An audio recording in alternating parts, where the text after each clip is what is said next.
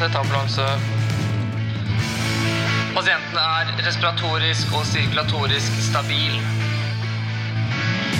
Vi kommer inn med én pasient. Du puster for fort! Ofte har jeg vært usikker når jeg skal levere på traumeteam. Da er jeg på vei. Jeg står på Ullevål, faktisk. I dagens episode skal vi møte Randi Simensen. På sånn fagutviklingsmøte eller noe. Vi skal på Smestad, og så skal vi lage en podkast. Og hun er her. Hei, Randi! Hei! Hun er paramedic og nettopp ferdig med masteren sin i prehospital critical care i Stavanger, der hun skrev om hvordan oppnå høyere resiliens ved overlevering av traumepasienten. Dette må jo være damen som skal gjøre meg trygg på traumestuen.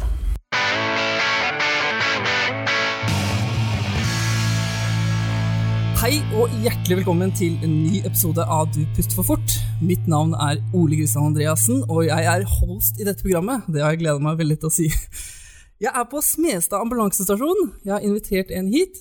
I dagens episode så har jeg gleda meg ganske mye, fordi det er flere grunner til det. Det første er at hun er kollega. Hun er paramedic, hun er sykepleier, fagutvikler, er paramedic på enredderambulanse på selveste Gardermoen.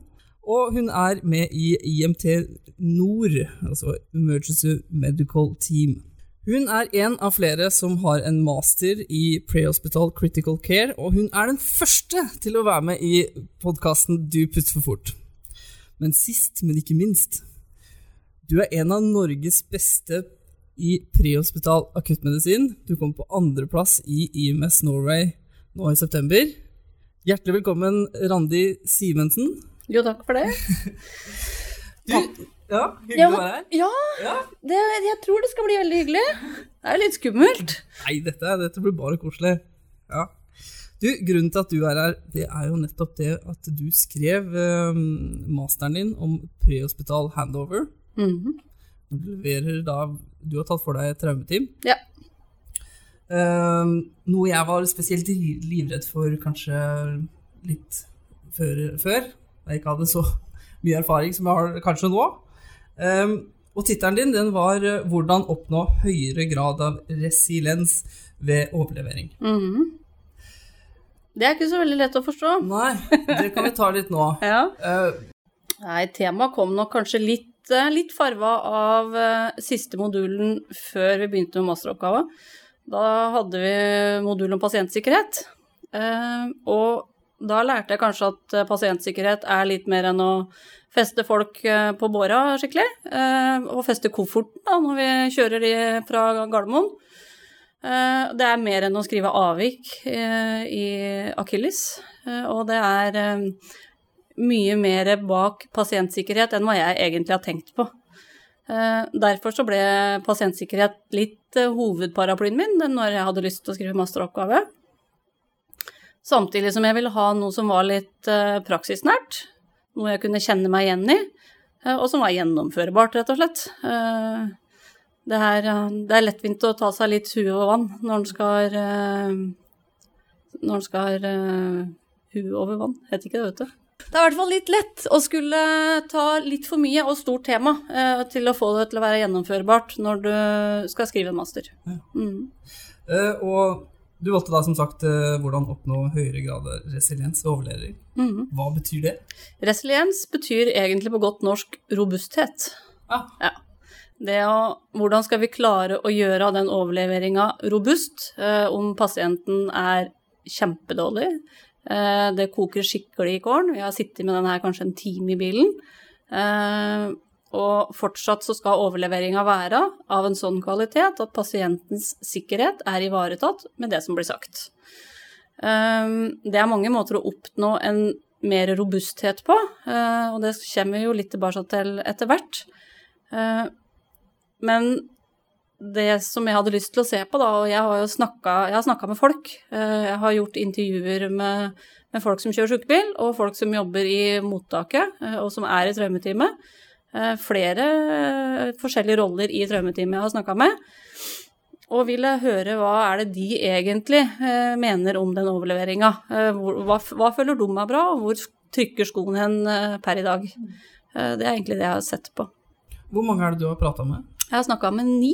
Ni stykker. Ja. Det er for så vidt ganske liten del, men til å være et sånt kvalitativt studie, som det så fint heter, så er det som kjennetegner det, er at det er få informanter, men at vi får høre deres historier. Her er det ingen grafer og bløtkaker og prosentandeler. Her er det mer sitater og deres syn på, på verden. Mm. Men nå da, Randi, nå skal du gjøre meg litt tryggere på hvordan jeg skal uh, bli, rett og slett bli bedre på uh, og når jeg leverer på team neste gang. Hvordan jeg egentlig god på overlevering av en pasient til et team? Ja, da har jeg lyst til å kaste den tilbake til deg, da. Hva gjør du for å bli bedre?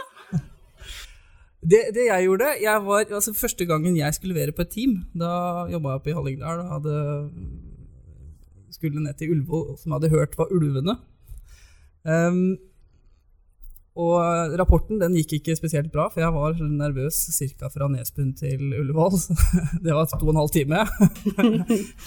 så det jeg gjorde da, det var faktisk å um, ta meg litt sjøl i nakken, og så begynte jeg å prate høyt til meg sjøl og tenke gjennom uh, litt hvordan vil uh, jeg gi en rapport. Så jeg satt i bilen og ga utallige rapporter til uh, rattet mitt. det var vel egentlig sånn jeg trente, og så begynte jeg å snakke med folk. Ja, hva er viktig, hva er ikke viktig. Uh, og det er det som er litt gjennomgående. Uh, for jeg stilte jo akkurat samme spørsmålet. hva er viktig for deg ved en overlevering? og veldig mange sa litt det samme som deg, at de øvde seg litt sjøl. Og at de la sjøl litt uh, litt sine egne forutsetninger, da. For hva er det Hvor trykker skoen hen? Uh, mange mener jo at uh, det å skulle stå der og snakke høyt, det er, det er veldig skummelt, da. Du møter et team som er etablert, og så kommer lille du. Og har egentlig eid den pasienten veldig lenge, og plutselig så er det noen andre som eier den. Som du sier, du kommer litt i ulva. Og at det er en veldig skummel setting, som vi gjør veldig sjelden, kanskje i forhold til veldig mange andre overleveringer, uh, som, som, blir av en litt annen art, da. så det å prate høyt og prate til seg sjøl, prøve å lage en viss form for struktur, det var det òg mange som gjorde. mange hadde lært seg sine egne regler, akronymer, som det så fint heter men egentlig aldri fått noen god opplæring i det, eller eh, noen har hatt med seg fra andre arbeidsaktører, som militær og forsvar og ja. Uh, og det å ja, møte styggen litt sjøl, da. Det å, å, ta litt tak i hva er det jeg har, hva er viktig for meg, hva er min svakhet da, som jeg må gjøre noe med for at pasienten skal få uh, god behandling når den kommer til et nytt punkt. Mm. Mm. Men hvordan kan jeg konkret trene da, for å liksom bli bedre? Hvem, hvordan kan jeg, kan jeg, lese meg opp noen steder, eller gjøre sånn som jeg gjorde, sitte i bilen, eller det er, jo, det er jo mye å lese om det. Eh, CRM er jo noe som Der er det mye faglitteratur. Eh, mye av det er jo linka til eh, luftfart. Eh, men mye er overførbart til eh, helse, fordi at vi jobber i systemer som er uforutsigbare. Det er viktig med å ha kontroll, eh, det å ha en viss situasjonsforståelse og ha en forberedthet eh, er viktig i, begge de to yrkene, så det er sammenlignbart.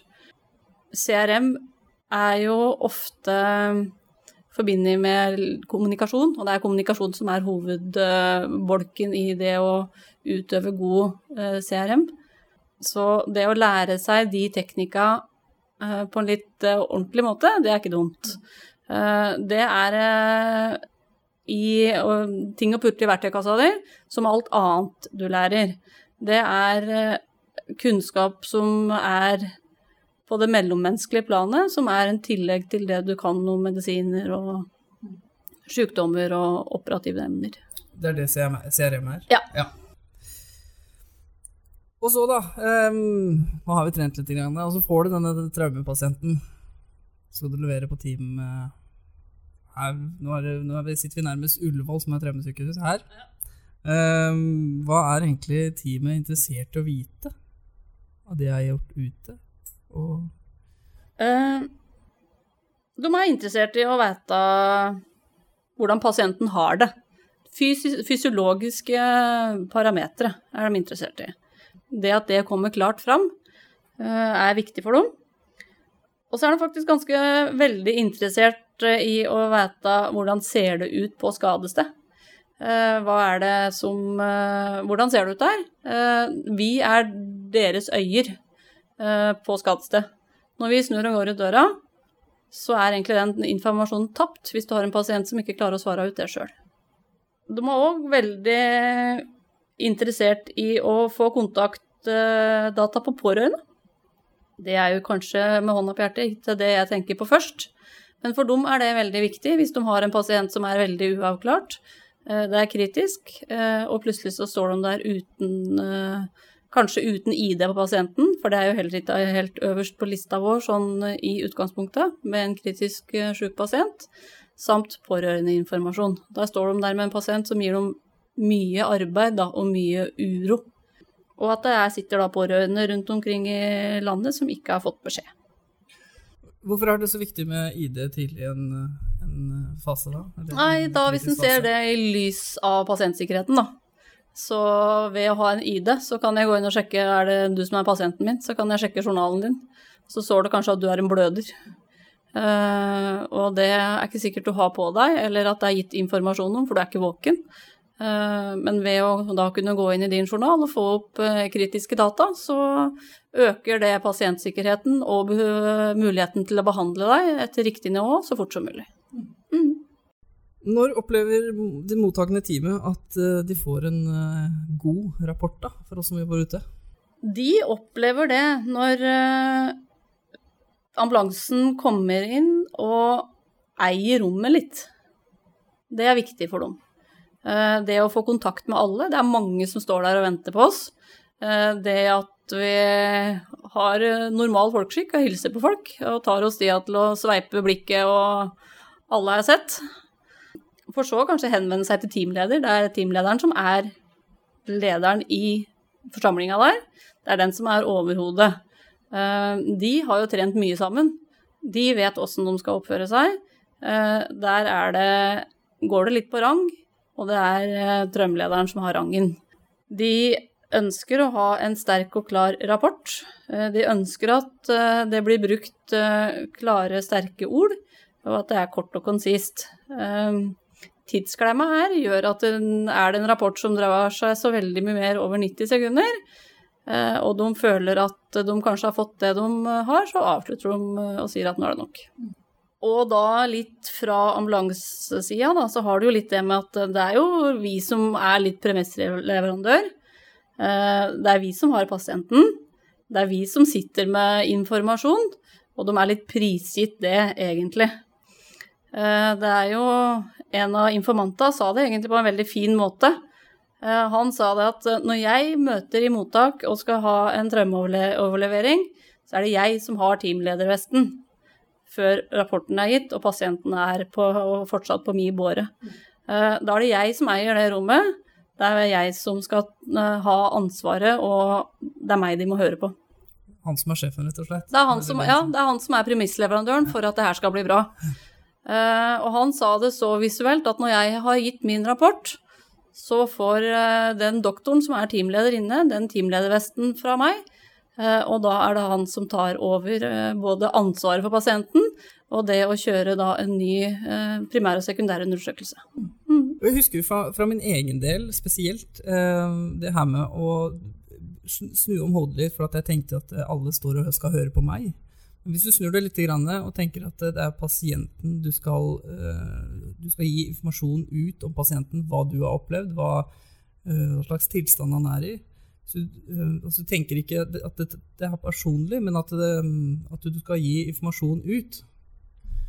Så vil det lette skuldrene dine litt. Ja, ikke sant? For det er ikke deg de er ute etter å se. Det er ikke, derfor, det er ikke, det er ikke på grunn av deg de står der, det er for pasienten. Ja, det er jo ingen eksamen. Nei. Nei det er ikke, du, du, du står ikke og skal bli forhørt, på en måte. Mm. Uh, men det er det å klare å som du sier, det å få fokuset over på er det faktisk Hva er målet med det her? Mm. Hva er målet med det jeg skal gjøre nå? Jo, det er faktisk å formidle det jeg har sett, det jeg har tatt på, det jeg har målt, og, hva jeg har gjort. Eh, det må flytte seg fra mitt hue, min blokk, over til de som står og skal ta over ansvaret for den som jeg har passa på, fordi at den ikke klarer å passe på seg sjøl akkurat nå. Og kanskje tenke det at du er i et team, i ambulansen, og så skal du inn i et nytt team som du skal brife. Det er jo òg beskrevet av eh, de jeg har snakka med, at eh, spesielt de inne ser på ambulansetjenesten som en forlengende arm. Eh, vi er en del av samme kjede, og at vi er sjukehusets øyne ute på stedet. Når en leser litt om det her, da, og annen forskning Det er jo en del forskning på overlevering, spesielt fra Australia. Når en skal se på annen, annen forskning, som er beskrevet av samme emne, Eh, så har Australia beskrevet en del av det. Eh, og der er hierarki og profesjonskamp mye mer uttalt eh, enn hva jeg som ble funnet i den lille studien jeg har gjort. Her er det ikke sånn type hierarki og profesjonskamp. Her drar alle litt mer samme lasset. Og det tenker jeg er jo stjerne i boka til vårt miljø, da. For det at profesjonskamp har ødelagt Eh, for mange pasienter eh, opp gjennom åra. Ja, det mm. høres veldig bra ut. Ja. ja. Så tenker jeg vi har et, eh, Det er jo et litt stort ansvar da, hvis man sier at altså, vi er sykehusets øyne utad. Det ligger ganske mye ansvar bak det. Det er det. Mm. Mm. Når opplever teamet at de får en dårlig rapport, da? Ja, og jeg tenker at det er kanskje ikke når opplever teamet, men når ja. opplever de som er der, deltakere, da. Både fra prehospitaltjeneste og inhospitaltjeneste. Hva er det de oppfatter som Hva er det som kåler det til? Eh, og det er en del elementer som kan være med på å kåle det til. Eh, som gjør at da, hvis vi skal snakke opp imot robusthet, da, som var liksom en del av eh, den sikkerhetstenkninga mi, så går det på det at det kåles litt til med at vi er eh, Teamet er ikke klart. Det kan være med å gjøre at det er en variasjon som gjør at det blir ikke så robust, da. Fordi at du har sittet der og gjort alt du kan for å holde stabile Vitalia. Du har prøvd å gi en rapport inn til sykehus, vi kommer sånn og sånn, jeg er innom 25 eh, minutter, og du er innom 25 minutter, og der kommer det et team labbende som ikke er klart. Eh, det gjør noe med at her eh, er kanskje ikke situasjonsforståelsen helt lik. Forberedtheten er overhodet ikke lik. Eh, og vi går inn i situasjonen med litt to forskjellige adrenalinspeil, eh, som gjør at kommunikasjonen i utgangspunktet ikke er den beste. Støy og snikksnakk. Vi har jo alle levert på Ullevål hvor du kan være så uheldig at det er kanskje flere leveringer på samme rom. Eh, den støyen og den snikksnakken rundt kan være med på å gjøre det til dårlig overlevering. Folk klarer ikke helt å fokusere. Hvilket øre skal jeg høre på nå? Var det noe spennende som skjedde der? Burde jeg fått med meg noe av det? Så den tidsklemma er der. Det En annen ting er jo at det, de begynner å forflytte. De begynner å ta over pasienten før en rapporten er gitt. Det caller det til. Eller begynne å undersøke pasienten før eh, Før rapporten er gitt, ja. ja. Eh, det er jo litt sånn fra ambulansesida. Eh, mottakssida og teamsida er litt opptatt av at det kan være litt lave stemmer, som gjør at du mister litt fokus. Da er det lett at andre ting som kanskje tar over. Ikke, du mister interessen. Lange rapporter gjør at du mister interessen.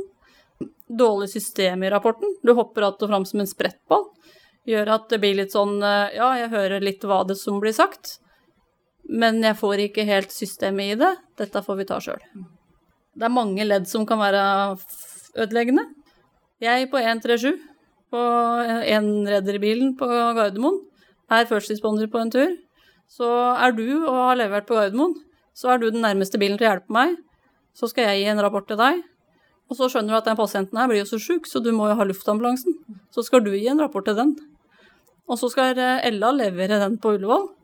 Har det vært mange rapporter mange ledd, ja. i mange tidskritiske mm. faser, som òg kan være med på at helt essensiell eh, informasjon blir borte. Eh, så det var òg et element som gjorde at de følte at det kunne bli en dårlig ivaretakelse av pasientsikkerheten, da, fordi at informasjonen ble borte. Mm. Hva har det å si, da, hvis det, pasient, altså pasientinformasjonen blir borte? Det kan jo være kritisk informasjon som blir borte i første ledd, eh, som gjør at eh, når pasienten kommer på sykehus, så får han jo faktisk ikke den behandlinga som han har behov for. Eh, som vi snakka på i stad, det er hvis du har en blødersjukdom, og du, de begynner å operere deg sånn fordi at det trengs, da, men at de ikke har kunnet sette i gang tiltak for å motvirke den bløderproblematikken, så kan jo det være fatalt for deg. Eh, allergier Ja. Og igjen, da, der ser man ansvaret vi har fra starten av behandlingskjeden til eventuell operasjon og postoperativt, ikke sant? Og det er jo en veldig Det ansvaret var nok en del av grunnlaget for at det her var noe jeg hadde lyst til å gjøre, da. Eh, For ved å ha pasientsikkerhet eh, i modulen før, så liksom det at det er faktisk ganske mye ansvar å overgi informasjon. Og at den informasjonen du gir fra deg, faktisk skal være korrekt, og den skal være eh, presis, og du skal være lydhør. Det er faktisk et ansvar. For ofte så blir det litt sånn at eh, rapporten kommer jo helt eh, logisk på slutten av hva vi har drevet med. Så hvis du har jobba fælt og jobba mye, så blir det litt sånn at ja, nei, men da er vi ferdig. Nå er det noen andre som har tatt over, nå har vi fått hjelp, eller nå er pasienten i gode hender. Og at sjølve den handlinga ved den eh, overleveringa kanskje blir ikke så godt tenkt på, da, at det faktisk er, det er høyrisikosport, og det blir sett som en høyrisikoaktivitet, eh, det å overlevere en pasient. Eh, mange av eh, pasientskadehendelser skjer ved overlevering eller i, med informasjon som mangler ved overlevering. For det er jo en kjensgjerning at i 2016, da, som jeg har henta tall fra, så ble det levert 6400 traumepasienter som er registrert til norske sykehus. 5000 av de eh, ble levert med bilambulanse. Så det er ganske mange Vi har ganske mange sånne overleveringer eh, på et år. Og det er jo studier eh, i Norge som sier noe om at ett av fire dødsfall blant traumepasienter kunne vært unngått. Og de fleste feil syns å skje i mottaksfasen. Det er ikke dermed sagt at det bare er i forhold til overlevering, men i mottaksfasen, eh, der er det da faktorer som gjør at faktisk én av fire eh, Ett av fire dødsfall eh, skjer der. Og det er ganske store tall, ganske høye tall, som gjør at vi kanskje skjønner at viktigheten av den jobben vi gjør, da, betyr veldig mye for pasienten og hans outcome i andre enden. Viktigheten av kommunikasjon. Ja. Viktigheten av kommunikasjon. Kommunikasjon er jo basen for alt, egentlig, av en overlevering. Så kan du si at du har òg en Vi leverer jo òg skriftlig dokumentasjon. Og den skriftlige dokumentasjonen er ofte mer utfyllende enn hva du tar ved den muntlige rapporten, fordi at det er jo skvisa på tid. Du har ikke så god tid på deg, og du har ikke tid til å fortelle om alle sykdommer. Da tar du det som er viktig her og nå, og så følger jo den skriftlige journalen følger jo pasienten. Eh, Jeg har jo bare sett på hva som blir sagt muntlig, ikke hva som står skriftlig. Eh, Og eh, ofte så er jo den skriftlige journalen blir jo lagt litt bort på traumemottaket og under, motta- under traumeundersøkelsen. Den følger pasienten, og han blir brukt eh, og tatt opp igjen eh, senere, men akkurat initialt så er det det vi sier som blir mest vektlagt. Um, og sjøl det vi sier, er viser tall, da. At eh, det er mange av den informasjonen som blir gitt, som faktisk glipper av eh, vitale data, eh, av eh, helt konkrete undersøkelser som er gjort i ambulansetjenesten, som blir eh, borte eh, i forhold til når man har sett på hva er det faktisk mottaksteamet har fått med seg av hva ambulansepersonellet har eh, sagt ved mun- muntlig rapport. Mm. Nå har vi vært veldig mye på altså, Det du har gjort, er jo å stå inne på, på. Eller ta for deg rapporten på traumestua. Eh, Men en del av rapporten også tenker jeg at det er den innmeldinga før pasienten kommer til sykehus. Informasjon der. Altså, hva er viktigheten av innmeldingen innmelding da, til, eh, til sykehuset? Hvordan skal det gjøres, og hva slags informasjon tenker du at du skal følge med der? Det blir jo noe av det samme, tenker jeg. Eh, og da igjen har jo sykehuset en mulighet til å forvalte informasjon om pasienten før dens ankomst. Eh, Og hvis vi da går tilbake til det med CRM da, og det å jobbe sammen som team, så har vi gitt eh, mottaksmenneskene og de som er i teamet, en faktisk en gyllen mulighet til å møte oss litt mer der vi er.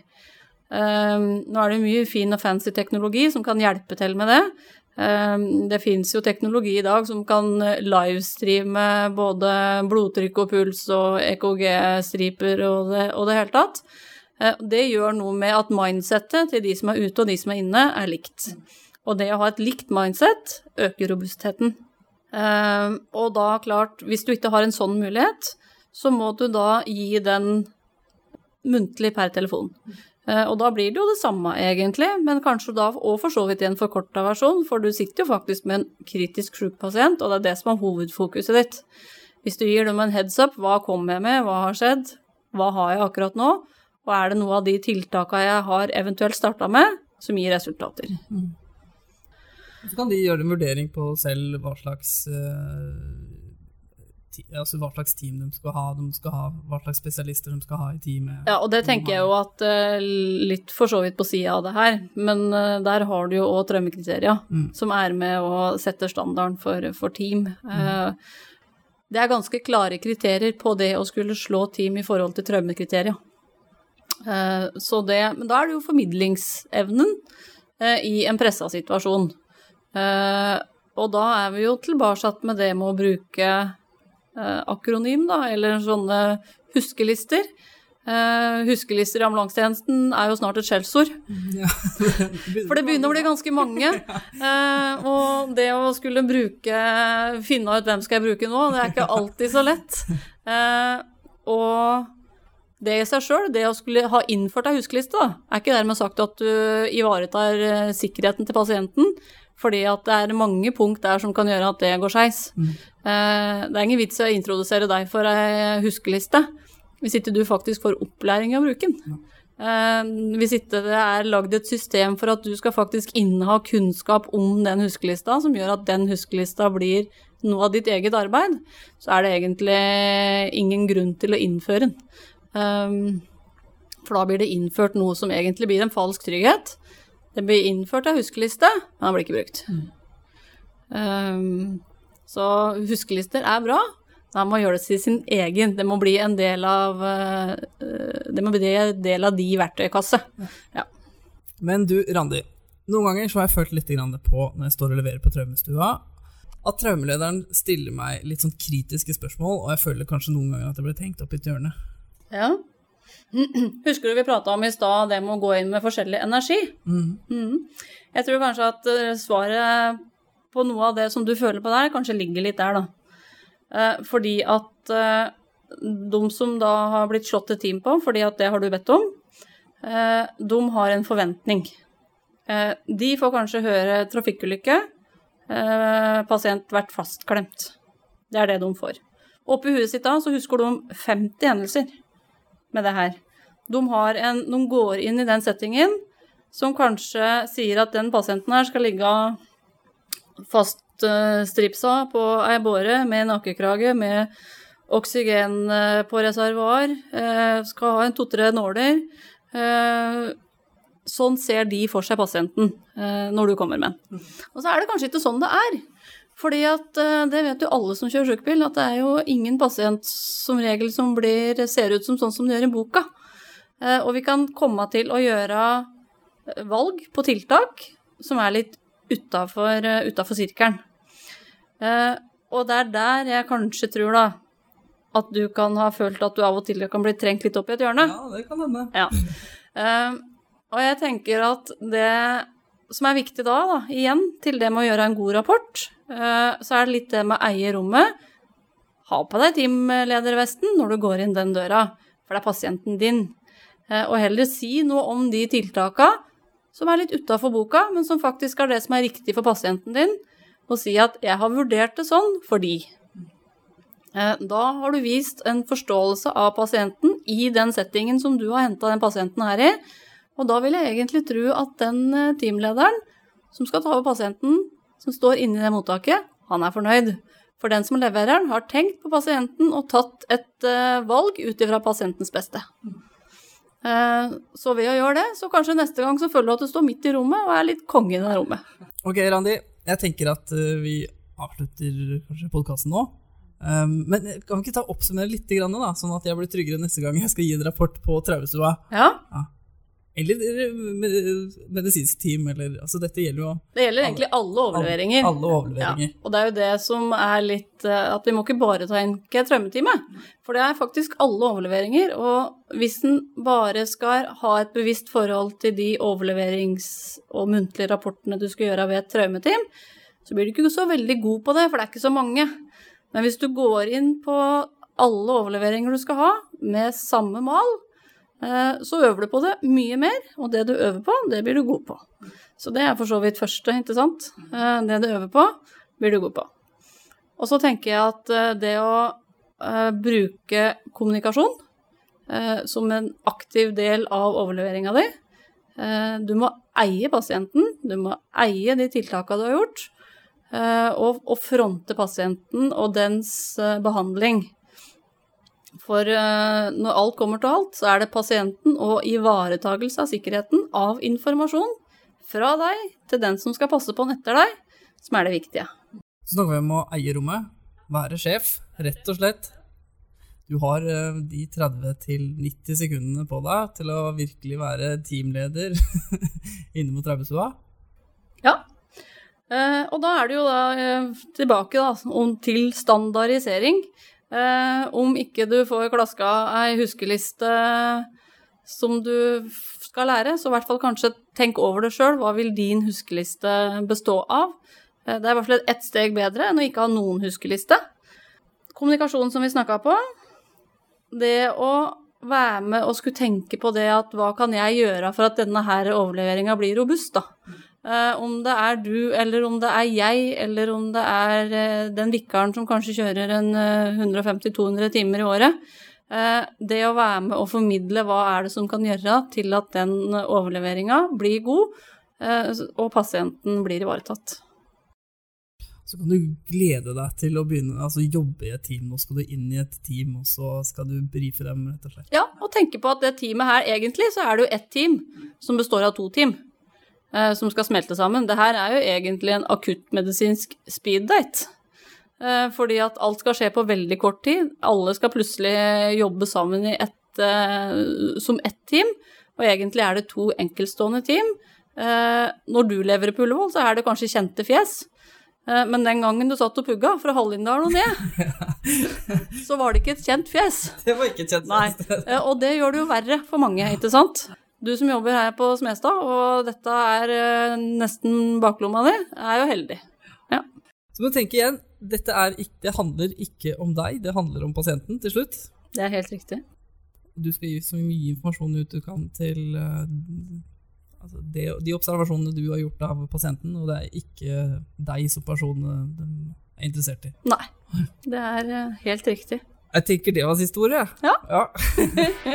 du, Randi Simensen, hjertelig takk for at du ville komme og være gjest i Dubus for fort. Takk for at jeg fikk lov å komme. Det var veldig hyggelig, og så lærerikt. Så bra det har vært lærerikt. Det har vært en veldig morsom prosess for meg eh, det siste året. Og det er jo litt sånn skummelt å skulle dele, for det har jo vært litt sånn eh, mye jobb og mye skriverier. Veldig bra jobba. Tusen takk for at du ville komme. Takk for meg.